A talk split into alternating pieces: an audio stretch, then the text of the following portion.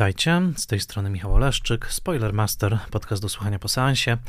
Witam Was w kolejnym odcinku podcastu, w którym opowiadam o kinie bez strachu przed spoilerami. Zapraszam Was do posłuchania odcinka, jeżeli widzieliście już film, o którym mówię, ewentualnie jeżeli nie boicie się spoilerów. Ja jestem wykładowcą Wydziału Artys Liberales Uniwersytetu Warszawskiego, a misją Spoilermastera jest popularyzacja wysokojakościowej wiedzy o kinie. Jeżeli chcecie wesprzeć ten projekt, który rozwijam w całości po godzinach, zapraszam na patronite.pl łamane przez Spoilermaster.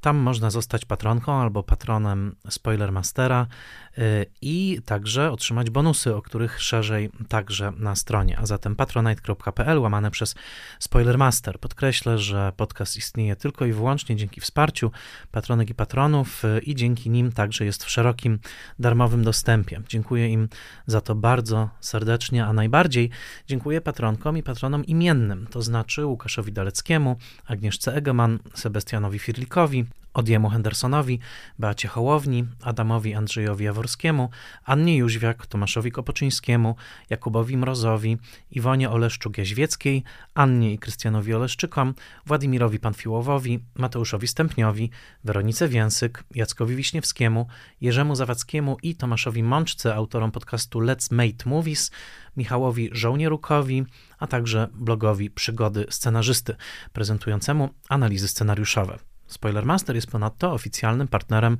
spaceru oscarowego, będącego częścią szlaku Łodzi Miasta Filmu UNESCO. Serdecznie dziękuję za to całe wsparcie i zapraszam na patronite.pl łamane przez Spoilermaster. A dzisiaj ostatni odcinek roku 2022, aż trudno uwierzyć, że ten kolejny już czwarty sezon Spoilermastera przyleciał tak szybko i odcinek zarazem z cyklu Spoiler Master Classic. Postanowiłem trochę prześwietlić ten ciemny i szary, przynajmniej w Warszawie, grudzień filmami, które mają w sobie trochę słońca, koloru i życia, stąd między innymi w zeszłym tygodniu wspólna opowieść z Olą Salwą na temat filmu Legalna Blondynka. Dzisiaj w cyklu Classic przyjrzę się filmowi pod tytułem Grease. Ten film powstał w roku 1978 i bardzo, bardzo długo pozostawał na tronie jako najbardziej oglądany i najbardziej dochodowy musical w historii kina. Grease to landrynkowe, cukierkowe, papuzie kolory, kalifornijskie słońce, Dany i Sandy, e, licealiści z Rydell High pod koniec lat 50., innymi słowy, filmowa laurka na część wszystkiego, co kolorowe, szczęśliwe i kojarzone z hollywoodzko podkolorowaną młodością. Temu filmowi przyjrzę się dzisiaj i nie zrobię mm, tego całkowicie sam, dlatego że w pierwszej części odcinka opowiem Wam więcej o historii powstania tego filmu, skąd on się w ogóle wziął, kto go zrobił, dlaczego wygląda i brzmi tak, jak wygląda i brzmi, a w drugiej e, części odcinka e, spotkam się z gościnią Spoilermastera. Tym razem będzie to Kaja Klimek, e, znana w internecie jako Kaju Tex, z którą porozmawiam o tym filmie. Powód jest, poza tym, że bardzo chciałem Kaję zaprosić do podcastu od jakiegoś czasu, w przypadku filmu Gris powód jest bardzo szczególny, ale nie zdradzę jeszcze, dlaczego właśnie zaproszenie Kai wydawało się idealnym pomysłem do rozmowy o tym filmie. O tym dopiero kiedy Kaja e, dołączy do mnie tutaj. Najpierw jednak opowieść. Jak zawsze w przygotowaniu do podcastu pomagały mi materiały dodatkowe, w tym przypadku przede wszystkim książka Stevena Tropiano pod tytułem Music on Film Grease, z takiego cyklu książeczek poświęconych właśnie filmowym musicalom, e, a także książka pod tytułem Tell Me More Tell Me More. To jest książka, e, która opisuje powstanie musicalu e, broadwayowskiego Grease. Podtytuł książki brzmi Stories from the Broadway Phenomenon That Started It All. Swoją drogą już w tym tytule jest pewne przekłamanie, ale o tym za chwilkę, bo nie na Broadwayu zaczęła się ta historia, a także korzystałem z książki poświęconej fenomenowi kultury młodzieżowej w latach 50. w Stanach Zjednoczonych pod tytułem Rebels Youth and the Cold War Origins of Identity. Tę książkę napisał Liram Medovoy. Została wydana w roku 2005. Dodam, że w momencie, w którym nagrywam ten odcinek, film Grease jest dostępny w serwisie Netflix. Powtórzę, jest grudzień roku 2022. Jest także bardzo wypakowane dodatkami wydanie Blu-rayowe tego filmu. Jak zawsze zachęcam jako fan kolekcjonowania filmów na Blu-rayach. Grease zaczyna się jako historia, jako fenomen, no właśnie, nie w 78 roku, ale w roku 1971 i nie na Broadwayu, jak chce tytuł książki, o której przed chwilą wspomniałem, ale w Chicago. Na pewno kojarzycie Grease przede wszystkim jako musical licealny, jako musical rock'n'rollowy i jako musical, który rozgrywa się w Rydell High, czyli w kalifornijskiej szkole średniej. Za chwilkę powiem więcej o samej fabule filmu, w której bardzo ważne są między innymi konflikty gangów samochodowych. Do jednego z tych gangów, T-Birds, należy główny bohater Dany Zuko i na pewno kojarzycie cukierkowo-landrynkową paletę tego filmu jako coś nieodłącznego od fenomenu Gris. Nic podobnego na samym początku nie było prawdą. Gris miało swoją premierę w roku 1971 w teatrze w Chicago, pod, nazywającym się Kingston Mines. Był to mały teatr, w zasadzie, który powstał z przekształcenia dawnej zajezdni trolejbusów. Innymi słowy, temat, temat, teatr bardzo ofowy, niemalże awangardowy. I Gris było dzieckiem dwóch talentów dwóch ludzi: Jima Jacobsa i Warrena Casey'ego. Jim Jacobs był urodzonym i wychowanym, co ważne, także licealnie wykształconym w Chicago aktorem. Nie odnosił jakichś dużych sukcesów, ale e, cały czas szukał swojego miejsca na scenach chicagowskich e, i Znał się dobrze z Warrenem Caseyem, który z kolei także jako aktor, czasami jako reżyser działał w tej samej okolicy, mimo że był mocniej związany z Nowym Jorkiem, gdzie przez jakiś czas, i to ważne dla naszej opowieści, był nauczycielem licealnym. Na jednej z imprez, na których wspólnie mm, byli obecni, w pewnym momencie e, zaczęli puszczać zamiast współczesnych płyt późnych lat 60., zaczęli słuchać starych płyt z lat 50., innymi słowy, płyt ze swojej młodości. Jim Jacobs urodził się w roku 1942, a zatem Pamiętajmy, że w momencie premiery Gris w 71 nawet jeszcze nie miał 30 lat, a zatem mówimy o dwudziestolatkach, późnych dwudziestolatkach, którzy po prostu uruchomili starą playlistę, nie na Spotify'u, ale na swoim gramofonie. I zaczęli z czarnych płyt odsłuchiwać stare hity lat 50. Stare, no właśnie, hity ze swojej młodości, ze swojej młodości licealnej. I w pewnym momencie Jim Jacobs powiedział do Warrena Casey'ego jeszcze na tej imprezie: Słuchaj, dlaczego nie ma żadnego musicalu na Broadwayu, który rozgrywałby się wokoło muzyki rockowej? Wtedy musicale broadwayowskie kojarzyły się bardziej z musicalami wywodzącymi się jeszcze z operetki, z waudevillu, ewentualnie z wpływami jazzowymi, e, ale rzeczywiście nie było tak, żeby rock and roll władał na broadwayowskiej scenie. Wszystko to zmieni się i zmieniało się właśnie w późnych latach 60., że przypomnę fenomen chociażby hipisowskiego musicalu Hair, ale faktem było, że ten taki główny broadwayowski nurt to były wciąż piosenki utrzymane w starej tradycji duetów takich jak Rogers i Hammerstein, czy Rogers i Hart, Cole Porter i e, tak dalej. Przyjaciele zaczęli rozmawiać, co by było, gdyby rzeczywiście taki musical napisać, i w pewnym momencie wciąż niedowierzający Warren Casey zapytał: No dobrze, ale jak taki musical o latach 50. i o młodzieży w liceum w latach 50. mógłby się nazywać? Na co Jim Jacobs odpowiedział: Nazywałby się Grease. I tutaj pierwsza z wielu dygresji w tym odcinku. Zatrzymajmy się mianowicie nad tym tytułem. Grease to dosłownie tłuszcz, ale także smar, ale także, uwaga, brylantyna. Pasta do włosów. E, na wszystkich tych znaczeniach zależało Jimowi Jacobsowi, kiedy ten tytuł zaproponował Warrenowi Casey'emu. Powiedział, w latach 50. wszystko było tłuste. Jedliśmy tłuste frytki, tłuste hamburgery, e, naprawialiśmy nasze samochody, właśnie zanurzając ręce w smarze, no i oczywiście zaczesywaliśmy włosy do tyłu w tak zwany kaczy Cooper, używając brylantyny, czyli znowu grease. Innymi słowy, to właśnie ten smar, tłuszcz, brylantyna, pasta, żel to była jakaś taka substancja, która kojarzyła się Jimowi Jacobsowi z latami 50. i jakkolwiek jest to tytuł naprawdę bardzo dziwny, jak się na tym zastanowicie, żeby nazwać cały musical właśnie brylantyna czy tłuszcz, to taki tytuł już przylgnął na zawsze do tego musicalu. E, no i później także stał się tytułem e, piosenki otwierającej ten film, ale ta piosenka powstała o wiele, wiele później. Innymi słowy, pierwszy impuls, żeby w ogóle stworzyć Grease, był związany z nostalgią.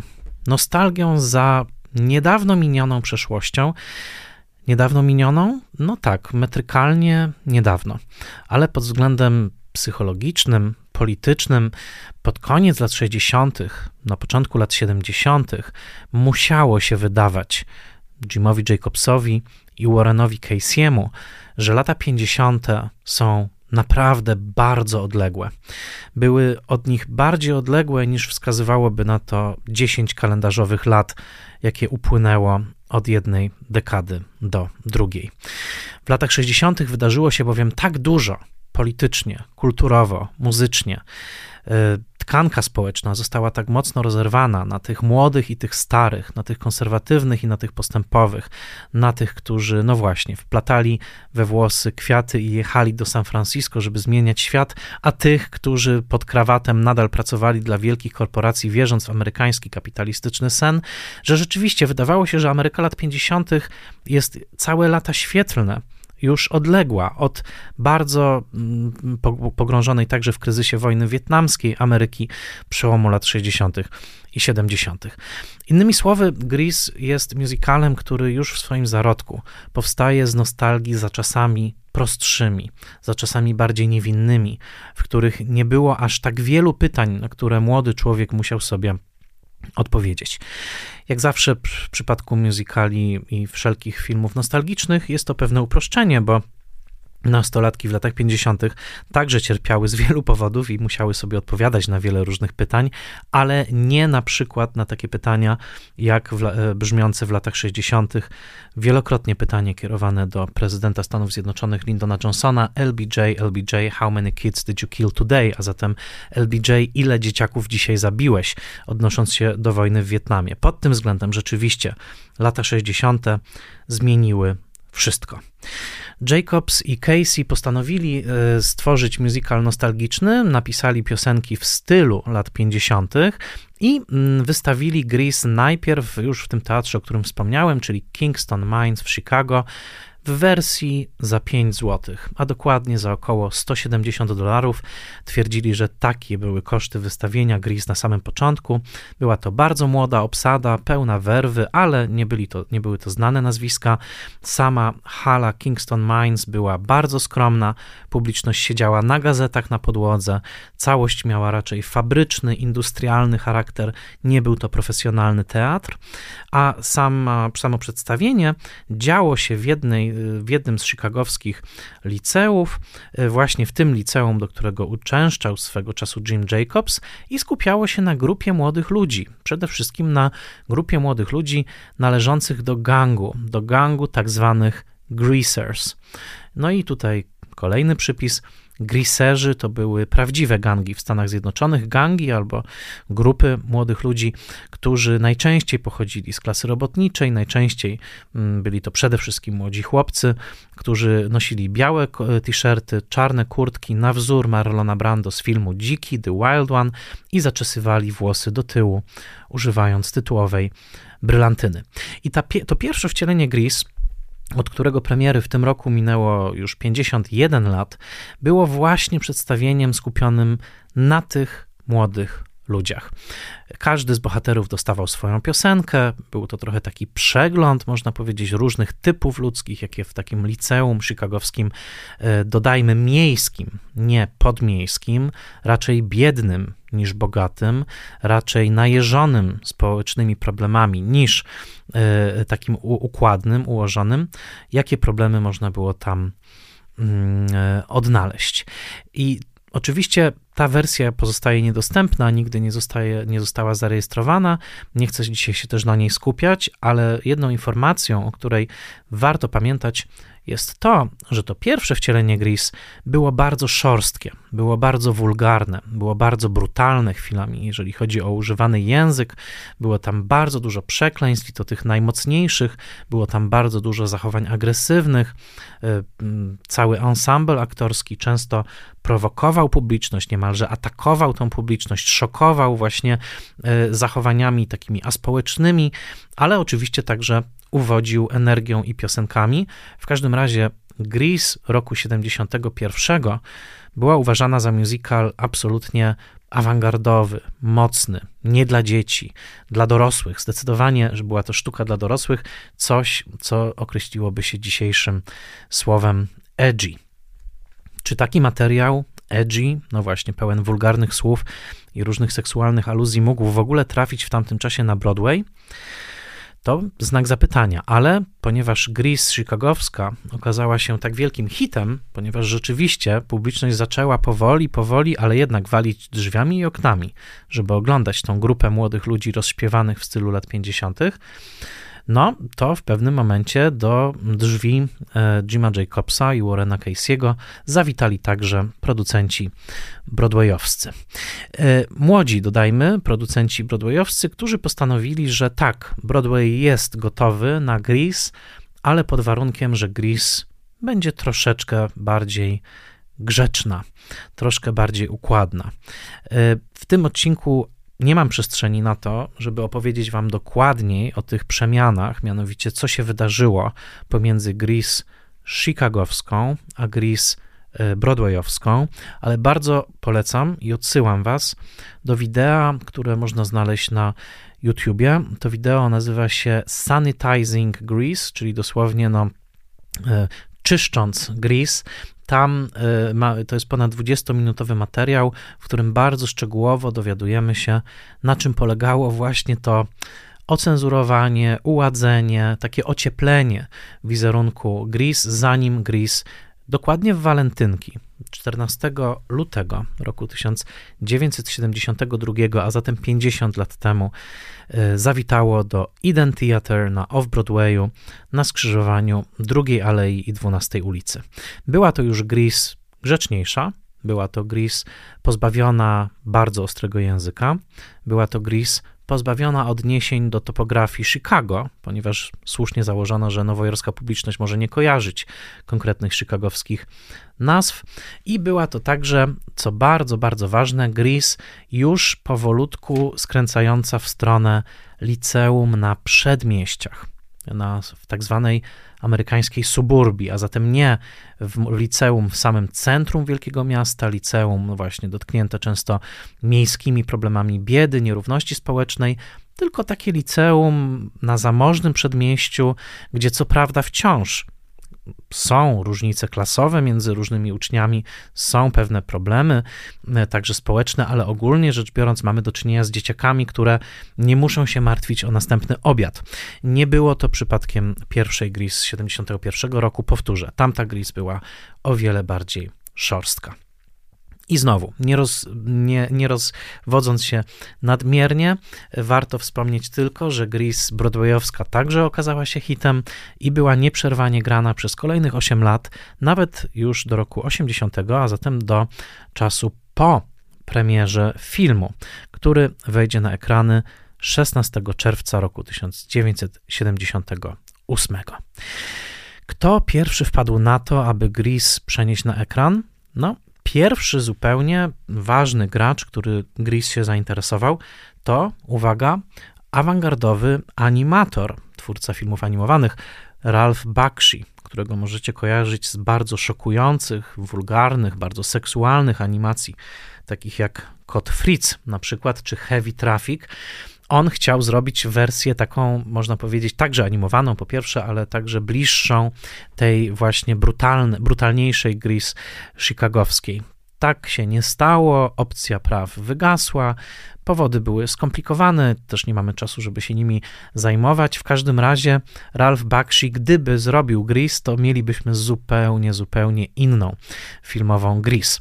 E, możemy sobie troszkę wyobrazić, jak ta Gris wyglądałaby na początku lat 80., mianowicie Ralph Bakshi zrealizuje podobny film animowany o właśnie o latach 50., ale już pełen e, wulgarnych, mocnych odniesień, też przemocy nie tylko seksualnej, to będzie film pod tytułem Hey Good Looking, więc jeżeli chcecie zobaczyć, jak Bakshi sobie poradzi z latami 50., możecie obejrzeć sobie Hey Good Looking. Natomiast y, w końcu, i to jest najważniejsza część naszej opowieści, punkt centralny, bez którego nie mielibyśmy Gris takiej, jaką ją znamy, jaką ją kochamy, mianowicie tym tematem, tą sztuką zainteresował się Alan Carr. Powtórzę to.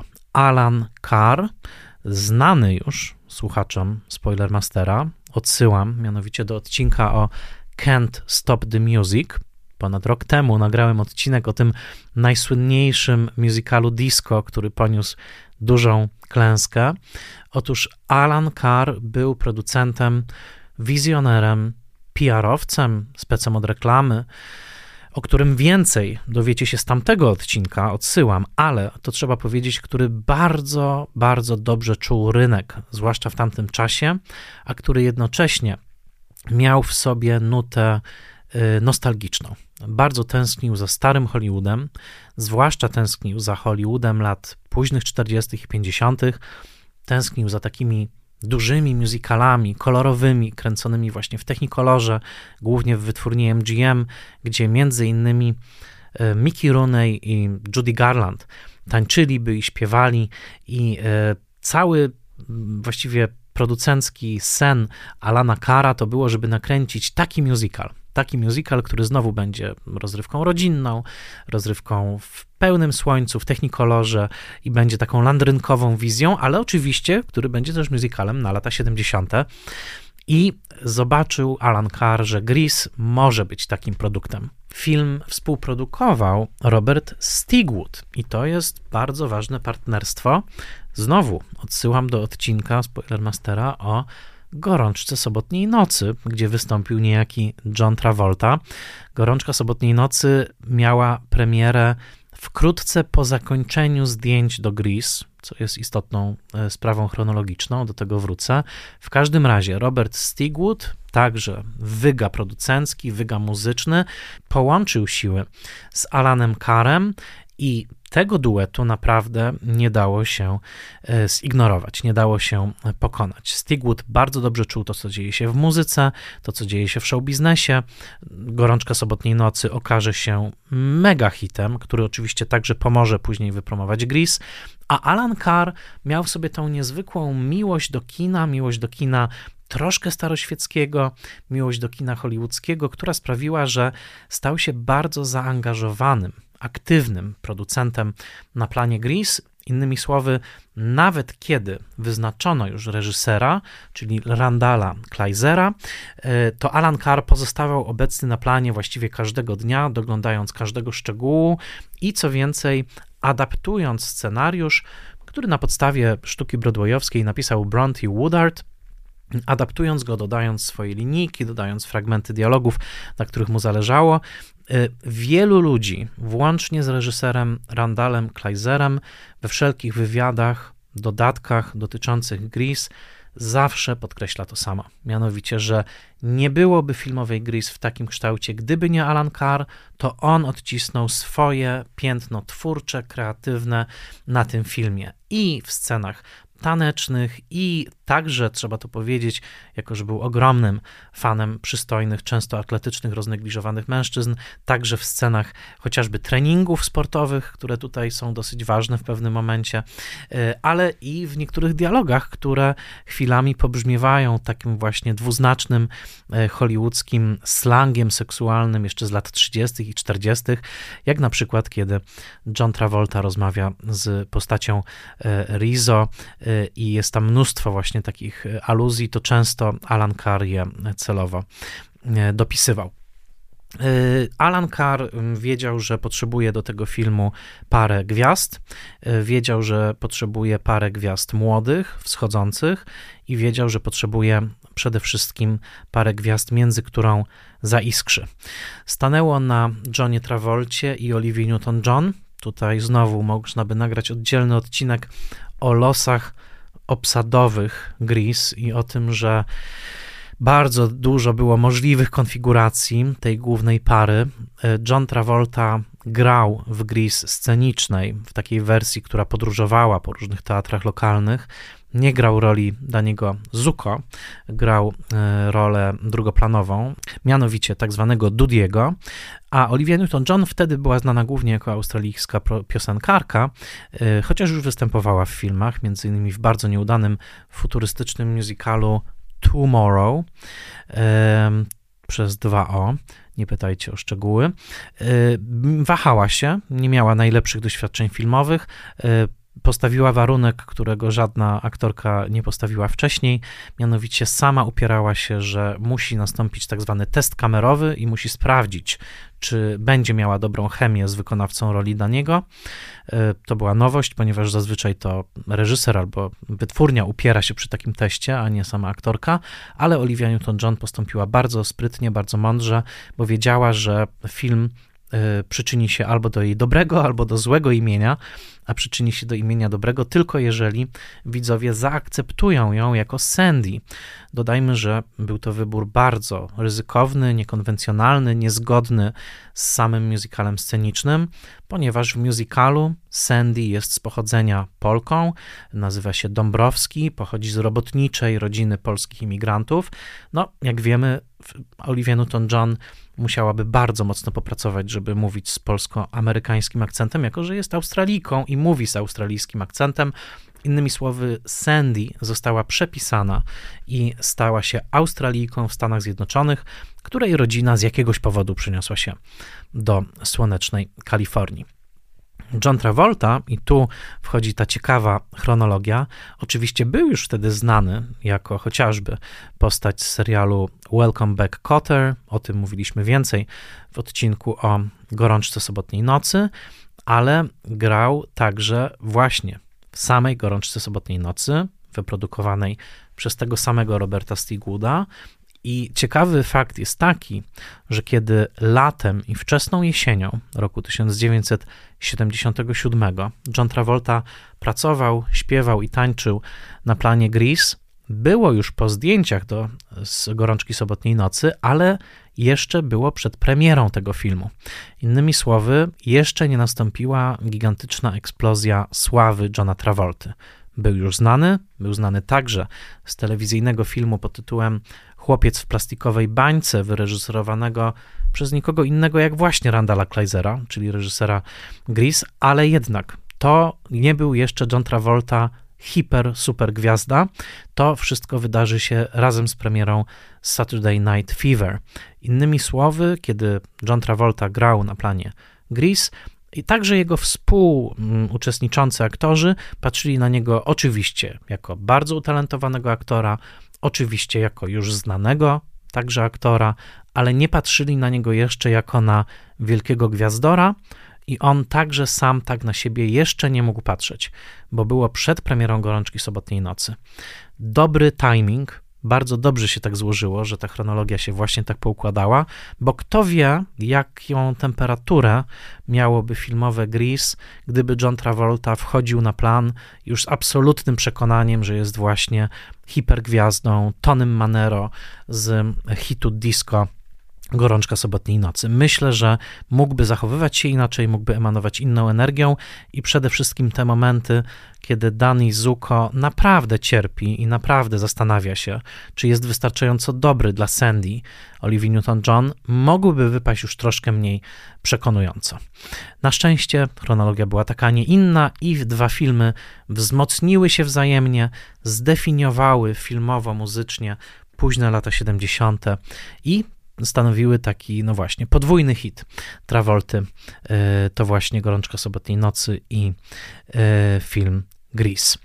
Nastąpił jeszcze jeden ciekawy e, przypadek, mianowicie Grease potrzebowała piosenki tytułowej. Grease is the word. Na pewno znacie mm, tę frazę i stało się to także hasło reklamowe filmu na plakatach, ale skąd wziąć tą piosenkę. Nie było takiej piosenki tytułowej w przedstawieniu broadwayowskim, a przynajmniej ta, która była, zdaniem producentów, się nie nadawała do użytku. Dlatego też producent Robert Stigwood zwrócił się o napisanie tej piosenki do swoich kolegów z grupy Bee Gees, którzy właśnie przecież napisali dla niego całą muzykę do Gorączki Sobotniej Nocy, włącznie z największym hitem otwierającym tamten film, czyli Staying Alive. I to właśnie Barry Gibb z The Bee Gees napisał na prośbę Roberta Stigwooda piosenkę pod tytułem Grease, która otwiera cały film. Towarzyszy ona sekwencji animowanej, więc jednak troszeczkę animacji, mimo że Ralph Bakshi odpadł po drodze, to trochę takiej nawet powiedziałbym awangardowej animacji dostało się do Grease. John Wilson przygotował animowaną czołówkę i w tle Barry Gibb śpiewa Grease is the word i to już wskazuje na to, że film um, trzyma rękę na pulsie, ponieważ nie jest to piosenka w stylu lat 50., jest to piosenka jak najbardziej w stylu lat 70. i stanowi ona takie płynne wprowadzenie widza e, w skansen różnych artefaktów, nazwisk, plakatów, ikon popkultury, które zaludniają ten cały wstęp, ponieważ przyjrzenie się temu animowanemu wstępowi jest naprawdę jak przerzucenie kart solidnej encyklopedii popkultury lat 50. Jest tam tak dużo nawiązań do popkultury amerykańskiej lat 50., że nawet chyba odcinka by dzisiaj nie starczyło, żeby je wszystkie odczytać i wyjaśnić. Powiem tylko tyle, że pojawiają się tam m.in. Marilyn Monroe z filmu Słomiany Wdowiec, pojawia się tam znaczek, przypinka wyborcza Eisenhowera, czyli tego prezydenta, który rządził w latach 50. I Like Ike. Pojawiają się tam plakaty i billboardy takich filmów jak Tammy, z Debbie Reynolds, później także pojawiająca się w dialogu, i Dziesięcioro Przykazań, słynny biblijny film z 56 roku w reżyserii Cecila DeMilla, ale oczywiście tych odniesień jest o wiele, wiele więcej, a cała czołówka pokazuje także dwójkę głównych bohaterów, czyli rozczochranego, niemiłosiernie chłopaka, który wstaje rano z łóżka i musi użyć brylantyny, musi użyć grease, żeby swoje włosy w ogóle doprowadzić do jakiegoś porządku, i piękną dziewczynę, która tutaj no właśnie, genderowo, trochę stereotypowo, wstaje od razu piękna, świeża rzeźka, właściwie musi tylko lekko przeczesać swoje mm, blond włosy, y, nie jest taka mm, niepoukładana, zwierzęca jak ten chłopak, y, a nawet pomagają jej w tym y, jelonek łudząco przypominający Bambi Disneya i królik przypominający Tampera z tamtego filmu. Grease y, była filmem kręconym, tak jak powiedziałem, przy bardzo dużej interwencji i przy dużej aktywności producenta Kara, z bardzo świeżą obsadą. Tam było dużo nazwisk, które jeszcze nie były zbyt kojarzone z kinem, ale co ważne, do filmu została doproszona kluczowa osoba. To znaczy Patricia Birch, choreografka odpowiedzialna za choreografię Grease Broadwayowskiej, która stworzyła bardzo liczne i bardzo skomplikowane, bardzo masowe układy choreograficzne do filmu Grease. Zwróćcie uwagę, że w tym filmie czasami są sceny, w których tańczy nawet kilkadziesiąt osób jednocześnie. I co ciekawe, wszyscy tańczą bardzo dobrze. A to właśnie dlatego, że Patricia Birch zadbała o to, żeby nawet piąte i szóste plany tancerzy okazjonalnych były zaludnione tancerzami profesjonalnymi wynalazła nawet ciekawy sposób pracy z tą bardzo dużą grupą ludzką, mianowicie stworzyła małe podgrupy i podzespoły, wyznaczając w tych grupach takich liderów, przywódców, których zadaniem było uczenie kroków, których sami, sami wcześniej się nauczyli od Patricji Birch, uczenie tych kroków swojej własnej grupy. A zatem było to trochę takie wielkie filmowe taneczne liceum, w którym dyrektorką była właśnie Patricia Birch e, i bardzo wspaniale zarządziła tymi ogromnymi masami tańczących licealistów. No właśnie, licealistów. Czy patrząc na obsadę Grease myślimy liceum? No, mm, średnia wieku wahała się około 26 lat. Ani John Travolta nie był w wieku licealnym, ani Olivia Newton-John, ani Stockard Channing wcielająca się w, w rolę Rizzo. To byli ludzie po dwudziestce, często około trzydziestki. I o tym, na ile ten wybór okazał się trafiony, realistyczny, porozmawiam w późniejszej części odcinka z Kają. Klimek na pewno jest to część konwencji tego filmu, na jaką zdecydował się producent i reżyser Randall Kleiser. Ale oprócz tych młodych, Alan Carr wiedział, znowu odzywa się jego geniusz producencki, reklamowy, wiedział, że potrzebna jest inna część tej obsady. Potrzebne są twarze, głosy, osobowości dla pokolenia rodziców, bo Alan Carr bardzo chciał, żeby na ten film chodziły całe amerykańskie rodziny, nie tylko ci młodzi, ale także, żeby było coś dla tych starszych. No i tutaj genialny pomysł, mianowicie w wielu rolach dorosłych, drugoplanowych obsadzono gwiazdy kina i telewizji, przede wszystkim telewizji lat 50., czyli dokładnie tych czasów, kiedy rozgrywa się sama akcja Gris. I znowu, litania byłaby bardzo długa, ale powiedzmy tylko, że w roli dyrektorki szkoły, dyrektorki nazwiskiem McGee, wystąpiła Eve Arden. Eve Arden, znakomita w tym filmie, bardzo śmieszna, która przez całe lata 50. była wiernie oglądana przez amerykańskich telewidzów w serialu Our Miss Brooks, nasza pani Brooks, czy nasza panna Brooks, Grała tam nauczycielka angielskiego. W liceum często się spierała ze swoim dyrektorem. Innymi słowy, była już po prostu wydrukowana w świadomości Amerykanów jako właśnie taka osoba, która w latach 50. była nauczycielką w liceum. I tutaj pojawia się jako dyrektorka, więc idealny casting, od razu wywołujący uśmiech na twarzy tych troszeczkę starszych kinomanów roku 1978.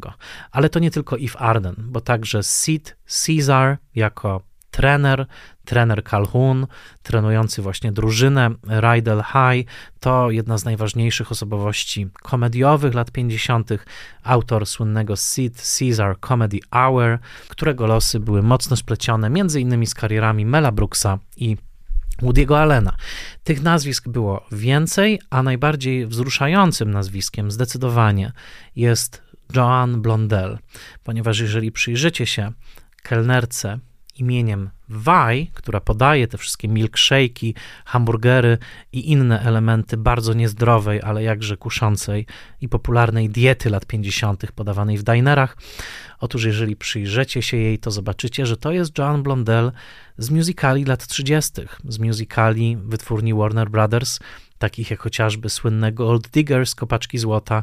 Joan Blondell to była zawsze ta cięta, inteligentna, twarda, młoda dziewczyna, która nie pozwalała sobie w kaszę dmuchać i występowała właśnie w tych e, warnerowskich musicalach lat 30. Cudownie jest ją widzieć w Grease, już o wiele starszą, ale z tą samą energią, e, właśnie jak rozmawia przede wszystkim z Frenchie e, po tym, kiedy okazuje się, że Frenchie przypadkowo sobie zafarbowała włosy na kolor różowy. Innymi słowy, na każdym możliwym poziomie, od choreografii Patricji Birch poprzez podwójnie sprytną obsadę młodych gwiazd i gwiazd starszej daty, poprzez ogromną dbałość, jaką Alan Carr przywiązywał do scenografii, do kostiumu, do całego wyglądu tego filmu, nakręconego na szerokiej taśmie, w żywym kolorze, w kalifornijskim słońcu, przez operatora Billa Butlera, zazwyczaj kojarzonego z bardziej ponurymi klimatami. Niedawno opowiadałem wam o filmie Rozmowa Kopoli, to on robił tam zdjęcia. Tutaj Bill Butler postawił na pełną 300-watową jasność kalifornijskiego koloru i wygrał. Film rzeczywiście wypracował swój całkowicie osobny, kolorowy styl, który od e, momentu premiery widzów na całym świecie uwodzi. I był moment w trakcie produkcji tego filmu, który wydaje mi się szczególnie wzruszający, szczególnie charakterystyczny. Chciałbym, żebyście sobie teraz wyobrazili ten moment, bo film jest kręcony latem 77 roku. Ameryka jest bardzo mocno poobijana wojna w Wietnamie się skończyła wycofaniem amerykańskim, społeczeństwo jest rozdarte, jest już po aferze Watergate, trwa kryzys ekonomiczny. Lata 70. nie są wesołą dekadą w historii Stanów Zjednoczonych. Ale Alan Carr chce przykleić na tą poobijaną Amerykę swój kolorowy plasterek w stylu starego Hollywoodu. I kogo zaprasza na plan, żeby obdarzył ten plan przynajmniej jeden, przez jeden dzień dobrą energią, dobrym wspomnieniem, dobrą pamięcią starego Hollywoodu? Otóż Alan Carr zaprasza na plan George'a Cukora, który pracował w Hollywood lat 30., 40., podpisał tak wspaniałe filmy jak chociażby Filadelfijska opowieść i dostał Oscara za musicalową wersję My Fair Lady, e, dobrą dekadę wcześniej. Cukor był dobrym duchem hollywoodzkiego kina, kina opartego właśnie na perfekcji kostiumów, na dobrym humorze, na gwiazdach takich jak Katrin Hepburn, Cary Grant, James Stewart i nie tylko. I to właśnie tego już dosyć sędziwego Georgia Cukora Alan Carr zaprasza na plan Grease, sadza go na wygodnym fotelu. Jest to scena plenerowa, scena kończąca film, piosenka We Go Together, e, rozegrana w scenerii Luna Parku i Cukor ogląda te tańczące dzieciaki e, do choreografii Patricia Birch, odwraca się do Kara i mówi: Macie tu coś wspaniałego, macie naprawdę utalentowanych młodych ludzi, jest to bardzo żywe, macie tu wspaniałą energię. I myślę sobie, że nawet wszystkie setki milionów dolarów, które później przyniósł ten film, pewnie nie ucieszyły Alana Kara tak bardzo, jak uśmiech i błysk w oku George'a Cukora, czyli właśnie przedstawiciela tego starego Hollywoodu, tego Hollywoodu, który tak bardzo ukochał Carr i który chciał wskrzesić już w bardzo innych warunkach, właściwie każdych, politycznych, społecznych, ekonomicznych. Wielkie wytwórnie już wtedy prawie nie istniały, były firmami dystrybucyjnymi, ale Carr miał to marzenie, żeby wskrzesić stary Hollywood i udało mu się to, a potwierdził to pięknie George Cukor.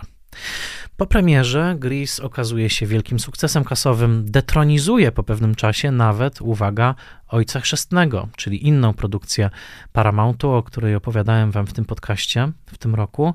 Grease okazuje się bardziej dochodowa niż Ojciec Chrzestny. To też coś pokazuje, że pod koniec lat 70. jednak widzowie już chcieli trochę bardziej lekkiej rozrywki, no i czy to Szczęki produkowane przez Universal, film Spielberga, czy to właśnie Grease Paramountu, e, produkcja Kara, oferowały im coś bardziej beztroskiego, bardziej lekkiego niż e, ciężkie, ponure filmy w typie e, pierwszego czy drugiego The Godfather. Sukces okazał się olbrzymi. I zanim porozmawiamy o tym sukcesie i o jego przyczynach, ale także o tym, jak oglądało się Gris w Polsce e, w różnych momentach, chociażby wtedy, kiedy ja chodziłem do liceum, chciałbym jeszcze zwrócić Waszą uwagę na e, kilka szczegółów tego, e, tego filmu. Zanim doproszę także Kaję Klimek. Po pierwsze, chciałbym, żebyście spojrzeli na ten film z trzech perspektyw. Po pierwsze, mamy tutaj kwestie klasowe, kwestie różnic klasowych.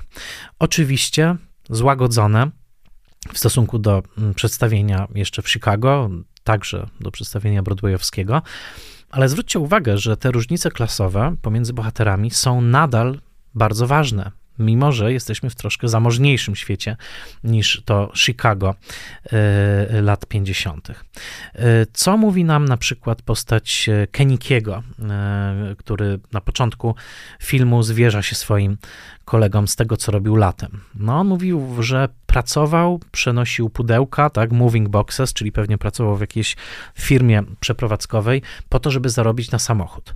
Ale potem widzimy, ten samochód i okazuje się, e, jest to swoją drogą kultowy Ford kabriolet z bodajże roku 48, jeżeli dobrze wynotowałem, ale jest on w strasznym stanie. Dopiero będzie trzeba go e, podrasować, żeby mógł zarobić, zasłużyć na miano Greased Lightning, zresztą w słynnej piosence.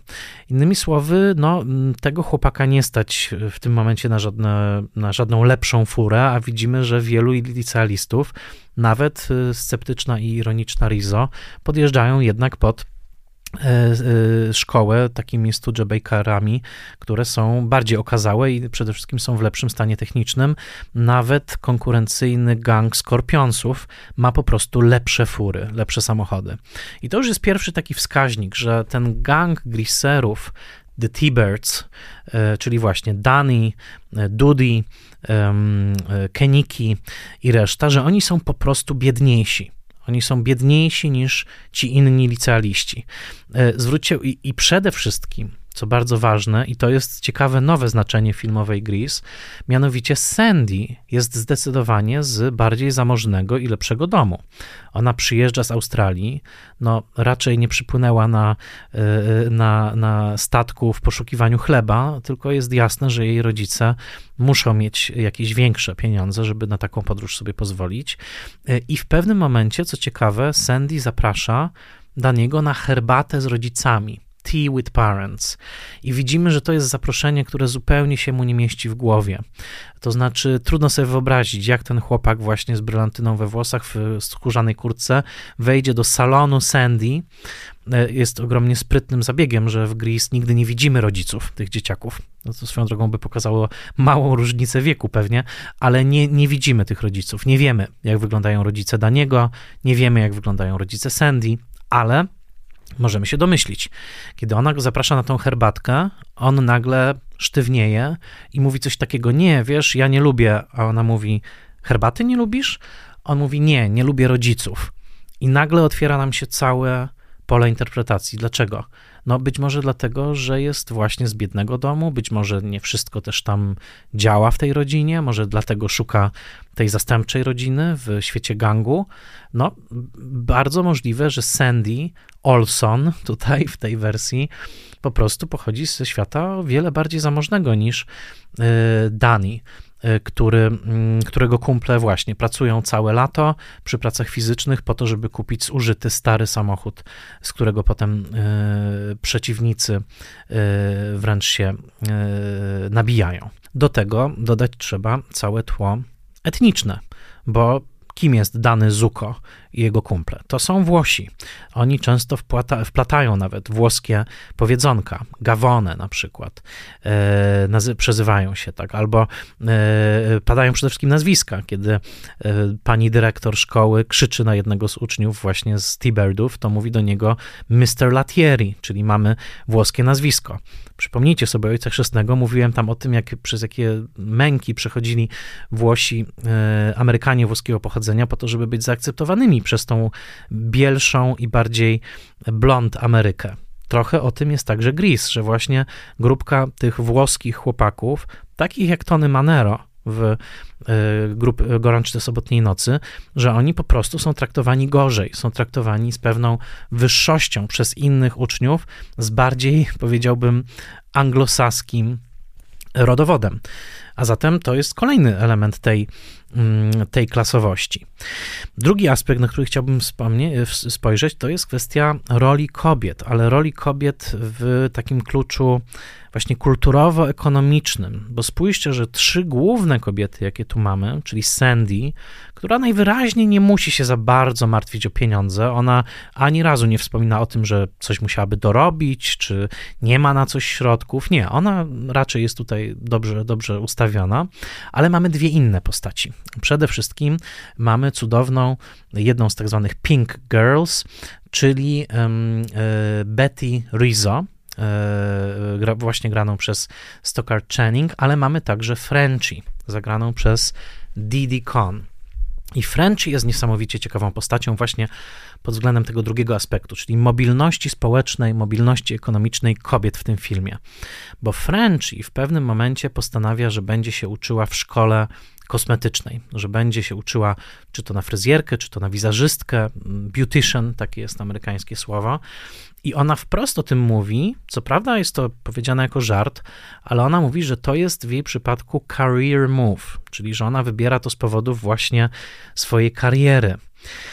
I później w filmie to jej będzie zawdzięczać Sandy swoją przemianę, kiedy sama stanie się griserką, tak, i zacznie uwodzić mm, Daniego już w bardziej taki właśnie agresywny e, sposób, ale przecież Frenchy mówi wprost, że dla niej to jest trochę wóz albo przewóz, albo wykształci się i będzie miała tak zwany fach w ręku, w tym przypadku fach wizerzystki, i będzie niezależna, przynajmniej do pewnego stopnia, będzie niezależna od faceta, albo, i tu fajna fraza pada w dialogu, w piosence nawet, albo zasili pole, czy pulę raczej, pulę stenografek.